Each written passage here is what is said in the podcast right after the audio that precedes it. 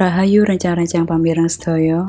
Sak menika kula badhe macaaken cerita cekak kanthi judul Sasi Besar ingkang dipun serat dening kalian Sugimin ingkang dimomot wonten Solo Pos edisi Kamis 13 Desember 2012. Monggo dipun midhangetaken. Sasi besar saya suwe saya cedak, atine Mas Pujo saya tambah seneng. Bola bali mengitungi tanggalan sing gumantung ana ing tembok kamar corekan-corekan dino lan tanggal wis cetha. Tanggal sekawan dino Selasa wage iki nggone Pak Marto sing omahe pinggir sawah wetan dhewe. Tanggal 18 dino Minggu Kliwon iki nggone Bu Samirah sing bocahe angel banget. Nanti bola bali ora ana sing cocok dadi pilihane. Nanging opo ya kurang akal, kanggoku gampang asal usana niat. Lan sasi-sasi ngarepe isih akeh maneh, nanti wujude tanggalan prasasat meh ana tandane kabeh. Gawean anyar sing ditekuni Mas Pujo iki kagolong langka lan uga rada nyeleneh. Nanging piye maneh, pilihan abot enteng rekoso penak ya kudu dilakoni nganti tekun. Sawise lulus saka perguruan tinggi ngelamar ing instansi pemerintah lan swasta ora ana sing ditompo. Gandeng wong pinter lan ya bocah sekolahan ya ana-ana wae piye carane golek duit. Sing durung biasa ana ya digawe ana, yaiku dadi maklar jodoh. Pancen sadurunge ya wis tau ana nanging durung dadi gawean. Ya amung kethok tular utawa atung-ateng. Yayan bekjo wae lan gathuk ora nganti diupadi kanthi tenanan. Iku wae liwat piyai sing wis sepuh-sepuh lan uga isih ana gayutane sadulur. Yen diitung kanthi petungan kang jelimet ya lumayan entuk-entukane duit. Nanging Mas Pujo ora tau matok rego kang waton, amung kedok tular saka keluargane sing wis kasil wae sing dadi pancatan. Kira-kira gangsal atus sewu rupiah bayarane. Bayaran sakmono kuwi wis lumayan banget. Ing sasi kang becik, sak sasi iso telu nganti papat sing jaluk tulung. Kayata ing sasi kapungkur, Mas Pujo entuk upah sepeda motor anyar saka juragan kayu jati. Sing anake wis dijudukake karo guru SD sing manggon ana jaban telatah. Saka bungae bapake ora eman-eman ngupahi Mas Pujo sepeda motor anyar. Mas Pujo kasil golekake jodoh anake sing padha karo karepe bapake. Yo, iku sing jenenge asale rejeki ora kurang marga. Sore iku langit katon resik lan angin sumiler nyegerake awak. Salebare salat maghrib, Mas Pujo lan Mbak Yanti sing dinikahi limang tahun kapungkur karo putrane lanang sing lagi umur telung tahun padha jagongan ing kamar tamu. Mas, wis suwe anggone arep takon sirane. Nanging ora kewetu amarga Mas Pujo katon sibuk banget. Arep takon bab apa to, Dik? Kok katon perlu banget? Bab gaweane Mas Pujo, iku halal utawa haram? Amarga asine lak dienggo ngopeni anake dhewe. Oh, bab kuwi. Tak kira masalah opo. Jejodohan utawa mbangun kaluwarga antarane wong lanang lan wadon kang wis umur iku salah sijine sunah Kanjeng Rasulullah lan kaya-kaya wis dadi wajibe wong urip ing alam donya lan diusahake sing padha imani. Terus carane gathuk kepriye iku ora dadi prakara. Carane bocah padha bocah ketemu terus dadi padha senenge iku ya jenenge jodoh. Wong tua padha wong tua ngrembug jodone putrane iku ya oleh wae. Kudu serana wong liya ya sah-sah wae. Dadi gawean jenengan orang gawe kapitunane wong liya lan orang ngelanggar aturan agama, uga aturan pemerintah ya Mas. Ora, malah keporo mbiyantu nom-noman sing duwe masalah bab entokake jodone. Coba katekno nasibe Mas Joko. Kurang apa maneh?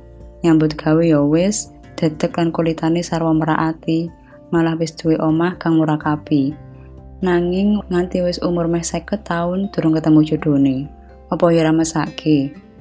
Lan nasib wong sing ngono kuwi sing perlu dibiyantu utawa dilantarake.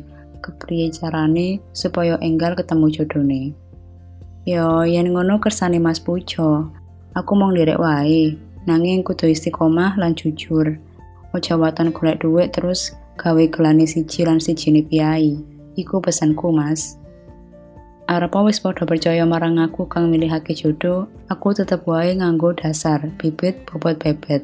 Supaya ing tembe mburine ora ana rasa gelo lan kuciwa malah-malah padha urip tentrem ayem lan raharja iku sing tak karepake nalika Mas Bojo lan sisihane nembe jagongan ing kamar tamu ana tamu maneh sing tekan katone telatah rada adoh saka desane Mas Pujo. Monggo-monggo binarak mlebet. Tamu sing numpak motor sekalian lan nggawa barang-barang kanggo oleh-oleh kang akeh banget kuwi banjur mlebu omahe Mas Pujo. Tamu sing kira-kira umur seket gangsal tahun iku lungguh adep-adepan karo Mas Pujo. Sawise sauntara wektu padha ora rembukan, suasanane katon sepi. Padha bingung sapa sing kudu ngomong. Terus tamu iku ngandharake apa tujuane.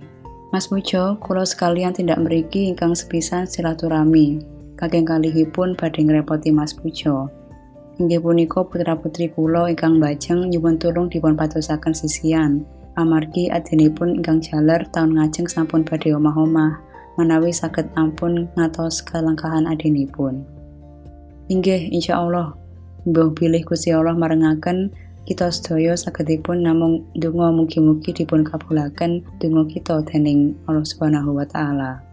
Krungu wong sulani Mas Pujo sing nyenengake tamu sekalian atine katon lega.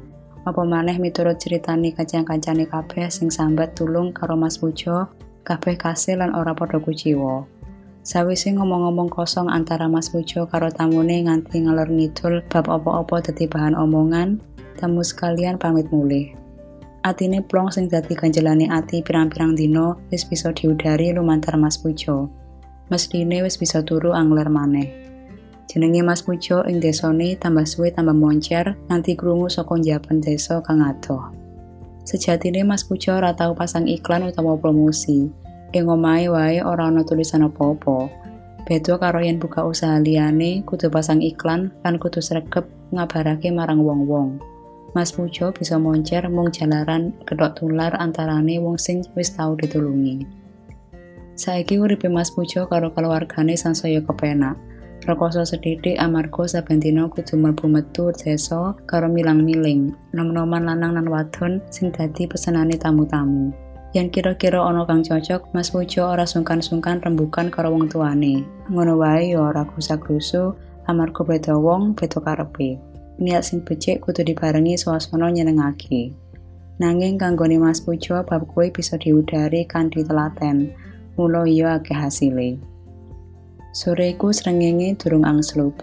Semburate isih katon mencorong nembus kodong wit-witan sing rembuyung ing pelataran omahe Mas Pujo. Teras omahe isih krasa panas, apa maneh yen mlebu ing jero omah. Amarga awan iki panase nganti kaya nembus balung sumsum.